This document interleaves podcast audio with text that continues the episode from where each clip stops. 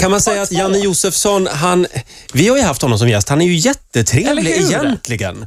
Precis. Men det är någonting, det kan vara så att han stör sig på ditt efternamn. Ja, fast jag, fast jag tycker att både Janne Josefsson och Stina Dabrowski, det var lite därför jag tackade ja. Jag respekterar dem och imponeras av det de gör. Jag följer Janne Josefssons program. Nu visar det sig att han har absolut noll respekt för det jag gör och inte har läst ett ord av det jag skriver. Men, men jag, jag var väldigt förvånad faktiskt. Han, eh, han hävdar då att du är helt okritisk eh, i ditt journalistiska arbete Precis, när det jag tror gäller aldrig jag tycker att jag kungafamiljen. har ställt en kritisk fråga och så tror jag, vad var det mer? Jag bland annat säger han att du skulle aldrig våga riskera att hamna i kläm med kungahuset var ett citat han tyckte han kunde drämma i med. Men du, då måste jag bara fråga Ebba. Träffar du, alltså du gör ju reportage och program och, som rör kungafamiljen, men träffar du de kungliga? Jag ska säga, det här tror jag att han är lite sur över från en annan grej. Eller jag tänkte berätta igår kväll. Vi var nämligen med i en debatt en annan gång, Janne Josefsson och jag. Och där liksom satte jag dit honom lite därför att han bara, som han brukar göra, så där orerade kring hur vidrigt det är att man inte har någon granskning. Och då sa jag precis som det är, att jag satt ju bara och väntade på att de på den granskande redaktionen skulle göra någonting om kungahuset. Jag menar, det var ju deras jobb. Jag jobbar ju med eh, en annan typ av bevakning som är mer allmän-tv och liksom underhållning och så.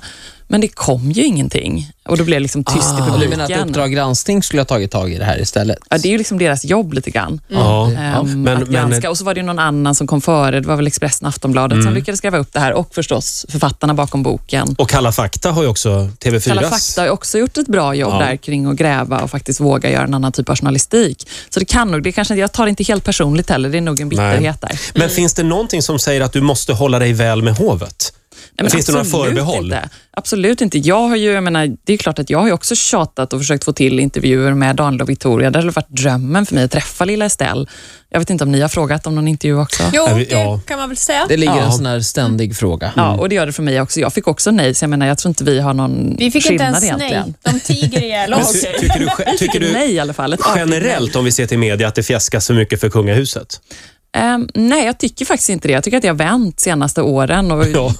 eh, och Det är väldigt uppfriskande, men jag har aldrig fjäskat speciellt mycket. Jag är en- av de som hårt har drivit kampanjen att eh, Madeleine borde skaffa sig ett riktigt jobb ehm, och att de borde fundera över hur de jobbar och så vidare. Så jag menar, nej, jag, jag, har rätt, eh, jag känner mig rätt lugn med min inställning till det hela. Den här jag tror inte jag skulle göra ett bra jobb på SVT om jag var någon slags kungaälskande Nej. ehm, fjäskis. Men du, om du får den där intervjun med, med HKH och hennes man, eh, vad ska du fråga?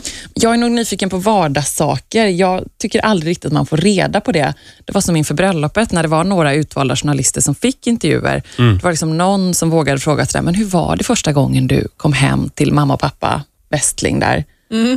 Det vill jag veta mer om. Sånt tycker jag är spännande. Vad bjöd de på för fika? Hade de bakat bullar? Alltså, hur var det?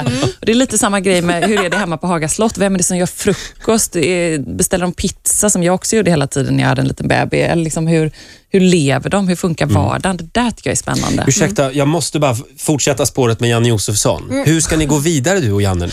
Kommer Nej, men alltså, att... Mm. Det stod ju tv-gräl, eller hur, på löpsedeln här.